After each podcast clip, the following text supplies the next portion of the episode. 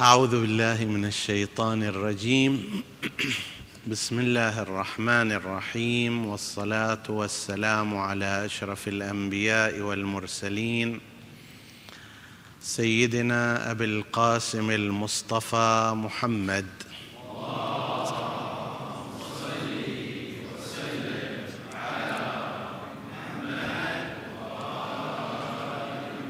وعلى أهل بيته الطيبين الطاهرين المعصومين المكرمين. السلام عليكم أيها الإخوة المؤمنون أيتها الأخوات المؤمنات ورحمة الله وبركاته.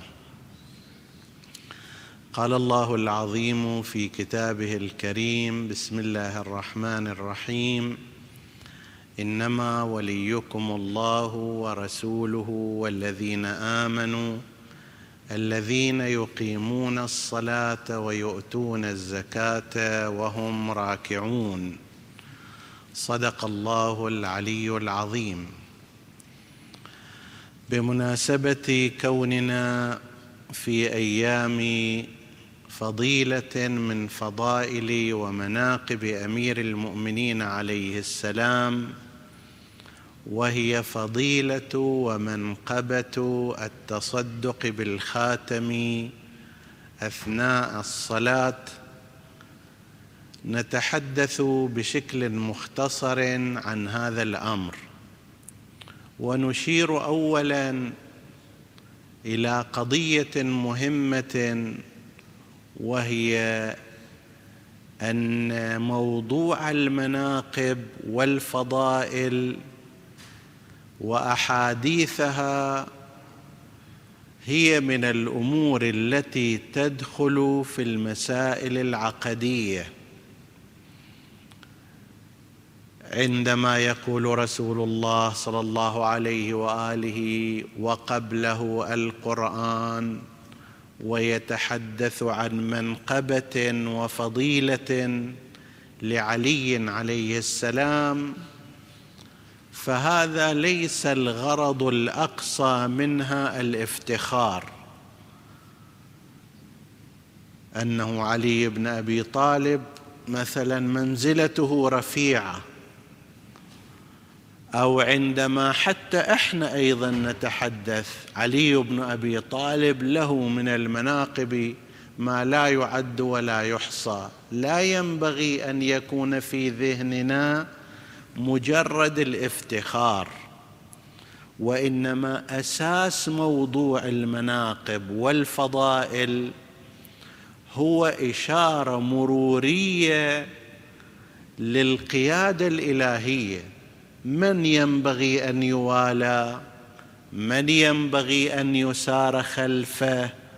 من ينبغي أن يقود الناس؟ هو صاحب هذه المنقبة. وصاحب تلك الفضيلة. وهذا الأمر ربما لم يلتفت إليه الوضاعون فقاموا يسوون فوتوكوبي على مناقب علي عليه السلام. شافوا فضيلة سد الأبواب إلا باب علي قالوا مثلا فلان سد ما سد الخوخة مالته الخوخة مو هذه يعني وإنما نافذة. يابا هذه مو قضية تفتح باب وتسكر باب. مو موضوع نجارة. وإنما المقصود منه أن يا أيها الأصحاب ممن تكونون حول مسجد رسول الله ملاصقين لهذا المسجد أغلقوا أبوابكم لأن الوحيد الذي يستطيع أن يدخل في المسجد وهو ظاهرا جنب هو ذلك الذي طهره الله عز وجل. إنما يريد الله ليذهب عنكم الرجس أهل البيت ويطهركم تطهيرا مرتبطة ارتباطا تاما بحديث سد الأبواب. الصحابة كانوا قد جعلوا بيوته بيوتهم ملاصقة لبيت رسول لمسجد رسول الله. وكثير منهم لم يكن لهم باب يخرجون منه إلا الباب الذي يدخل على المسجد. يريد يروح يجيب خبز نفس الباب اللي يفتح على باب المسجد على جدار المسجد يطلع منه. حتى أن بعضهم لم يكن لهم باب آخر. طيب. فجاء القرآن الكريم وقال لهم ترى المسجد لا يدخل فيه الجنوب ولا تدخل فيه الحائض إلا عابري سبيل بالنسبة إلى المساجد الأخرى وبالنسبة إلى مسجد رسول الله وبيت الله الحرام حتى الاستطراق غير جائز. فإذا لا يجوز لأحد أن يعبر من هذا المسجد. ليش؟ لأنه سيكون جنبا. وستكون حائضا. لكن هناك فئة في طليعتها سيد الخلق محمد.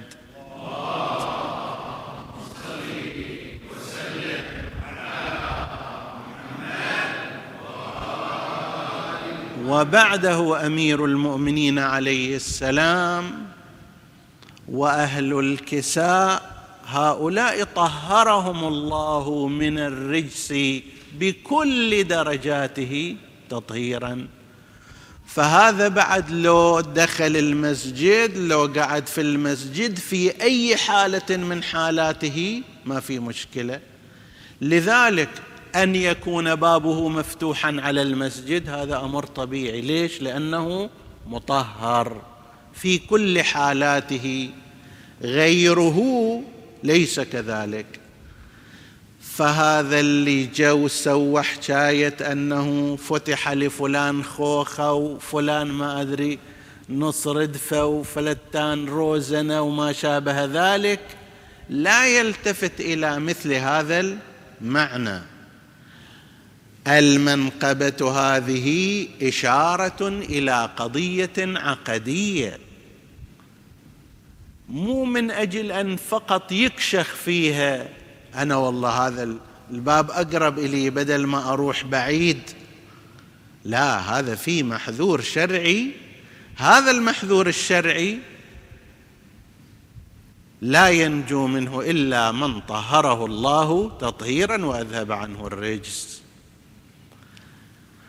فهذه المناقب وأمثالها غرضها الأساس الإشارة إلى أن هذا المشار إليه بالمنقبة هو الذي ينبغي أن يتبع.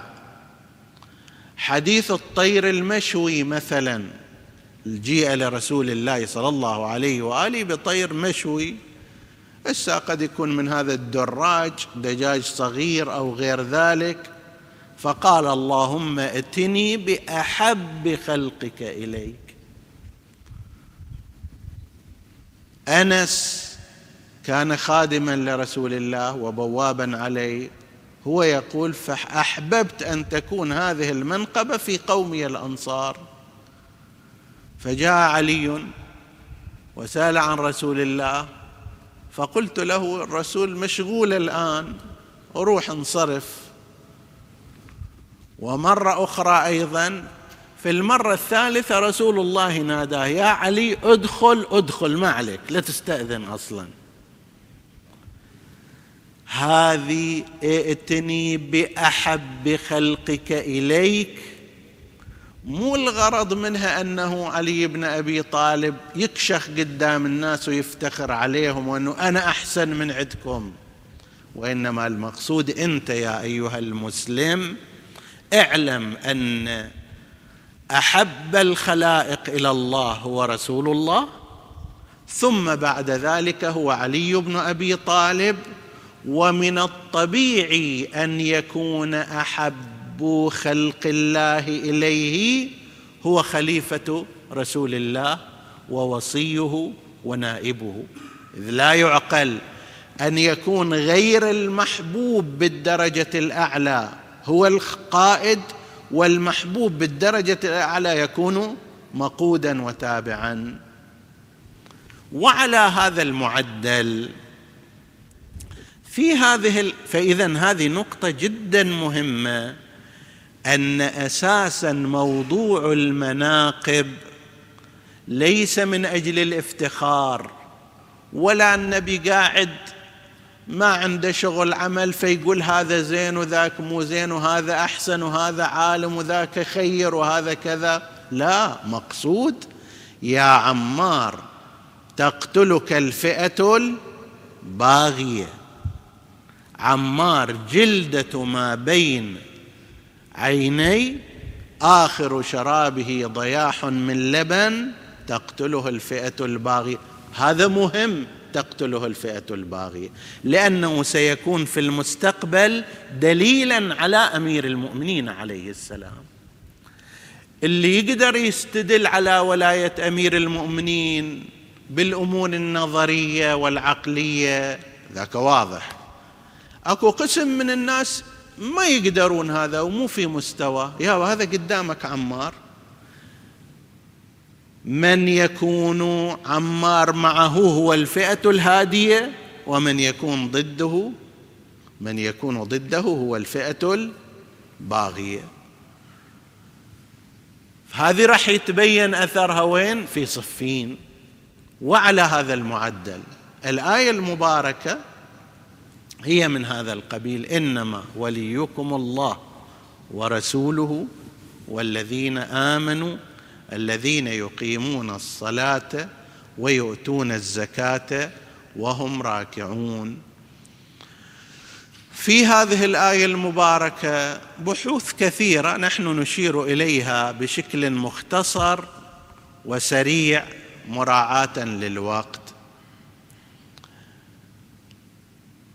من حيث سبب النزول كأن هناك اجماعا بين المفسرين على أن جماعة من اليهود جاءوا لرسول الله وعرضوا عليه إسلامهم. وسألوه عن الولي من بعده من هو وليه من بعده وليهم من بعده. فنزلت الآية المباركة وتحققت قصتها وهي أن رجلا فقيرا جاء إلى مسجد رسول الله صلى الله عليه وآله وكان هناك من يصلي وكان هناك من هو جالس فاستعطى وطلب المساعدة فلم يعطه أحد حتى إذا مر على رجل يصلي وهو راكع مد إليه يده وكان فيها خاتم مشيرا إليه بأن ينزعه فنزعه ذاك وأخذه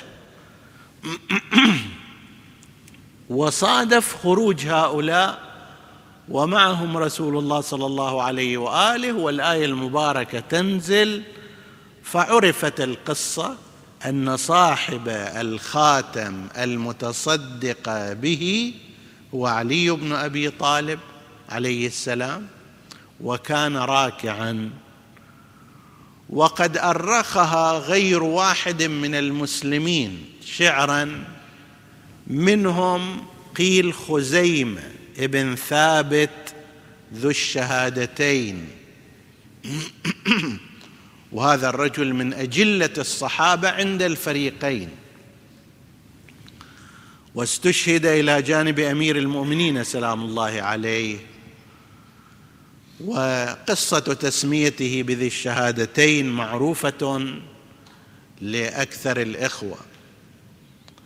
فخزيمة قيل إنه قال شعرا فيها وقيل إن هذا الشعر المشهور هو لحسان بن ثابت. هناك قصيدتان قيلتا اختلف في أيهما لخزيمة وأيهما لحسان.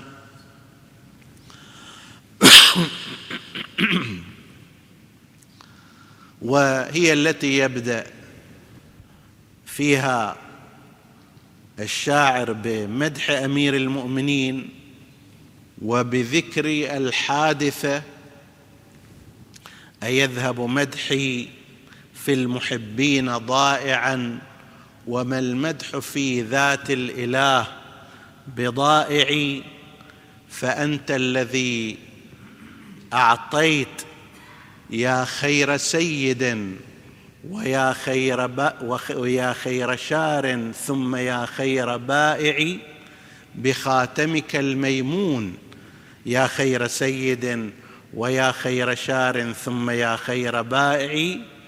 فأنزل فيك الله خير ولاية وبينها في محكمات الشرائع.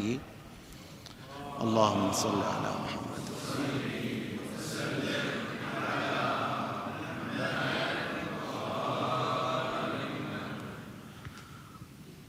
هذه الأبيات بعضهم قال خزيمة أنشأها وبعضهم قال إن حسان بن ثابت هو الذي أنشأها وفيها بيان لهذه الجهة.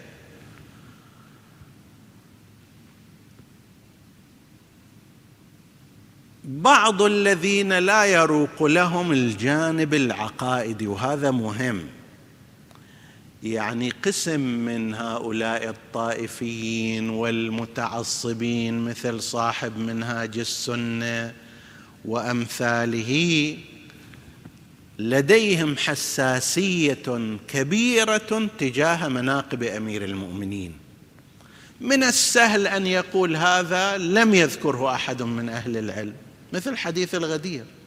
حديث الغدير الذي يقول الذهبي الذهبي أيضا متعصب ولكن عنده شيء من الإنصاف. مزامن إلى ابن تيمية الذهبي.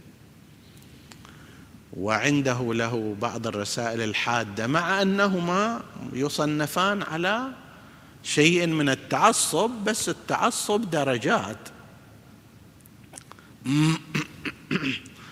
الذهبي يقول إن محمد بن جرير الطبري صاحب كتاب تاريخ الطبري وصاحب كتاب مجمع البيان جامع البيان في التفسير ويعد من العلماء الكبار متوفى سنة 310 هجرية. يقول الطبري لما سمع أحد الذين كانوا يعرفون بالنصب وهو ابن أبي داود صاحب السنن. سنن أبو داود معروف أبو داود السجستاني ابنه عنده يسمى عبد الله هذا كان معروفا بالبغض لعلي عنده حديث الطير غير ثابت حديث الغدير غير ثابت فلان حديث غير ثابت. طيب الطبري هم كان في زمانه فألف الطبري كتابا في طرق حديث الغدير. الذهبي يقول أنا شفته الكتاب أربعة مجلدات أورد فيها سبعين طريقا لحديث الغدير. هو طريق واحد يكفي ولكن أورد فيها سبعين حد طريقا لحديث الغدير وهو كتاب قد أبهرني حتى جز هذا الذهبي يقول حتى جزمت بوقوع ذلك حتما. يعني من كثرة الطرق الإسنادية ورجالها الثقات. أنا متيقن الآن أن حديث الغدير صحيح وأن الحادثة وقعت كما وصفها الطبري. بس مثل صاحب كتاب منهاج السنة يقول هذا لا يعرفه أهل العلم. وأمثال ذا. ليش هذا يسوونه؟ لأن هؤلاء يعرفون أن الالتزام بصحة هذه المنقبة راح يسألهم إذا كان كذلك. فلماذا لا تواليه بمعنى السير خلفه وبمعنى تقديمه على غيره وبمعنى الإيمان بفقهه وعقائده. لماذا لا تكون شيعة له؟ لما يقول إنما وليكم الله ورسوله والذين آمنوا الذين يقيمون الصلاة ويؤتون الزكاة وهم راكعون. ويحصر هذا إنما يعني بس. اكو بعض غير العلماء اجى قال إنما وليكم هذا كل المسلمين كل المؤمنين يقيمون الصلاة يؤتون الزكاة. طبعا مثل هؤلاء لا ينبغي الحديث معهم لقلة معرفتهم. هذا ينتهي إلى لغوية القرآن والعياذ بالله. القرآن قال المؤمنون والمؤمنات بعضهم أولياء بعض. ولاية بمعنى المحبة والمناصرة وعدم العداوة. لكن هنا عندما جاء وقيده وحصره إنما بس هذول الثلاثة. هل عناوين هذه؟ الله والرسول والذين آمنوا الذين يقيمون الصلاة ويؤتون الزكاة مو في أي وقت وإنما وهم راكعون مع تفسيرها بالحادثة المعروفة. فهنا يتبين أن الولاية من نوع آخر. ومن يتولى الله ورسوله ذاك الوقت يصير حزب الله وحزب الله هم الغالبون. فهذه آية من الآيات ومنقبه من المناقب التي تشير إلى قضية عقائدية. هي بالضبط تساوي من كنت مولاه فهذا علي مولاه وتساوي اللهم وال من والاه وعاد من عاداه. وقد سعى غير واحد من أجل أن يصير هم مديدة في الصلاة في الصوم في غير ذلك عسى أن تنزل ولو كلمة واحدة من القرآن. لا عمي القضية ليست هكذا. هناك إشارة عقائدية. مثل ما يقول خاصف النعل عنوان خاصف النعل عندنا في الروايات وهذا موجود عند الفريقين. رسول الله قال إن هناك من يقاتل على تأويل القرآن كما قاتلت على تنزيله. فقالت له بعض زوجاته من يكون؟ هو فلان. قال لا. هو فلان. قال لا. بل هو خاصف النعل. وكان حينئذ علي يخصف نعل رسول الله صلى الله عليه وآله. هنا خاصف النعل مو يعني كل واحد جود إله نعال وقام يخيط فيه راح يصير شنو من يقاتل على تأويله وإنما هذه إشارة خاصة وعنوان لشخص هو الذي سيكون خليفة رسول الله بالحق. الآية المباركة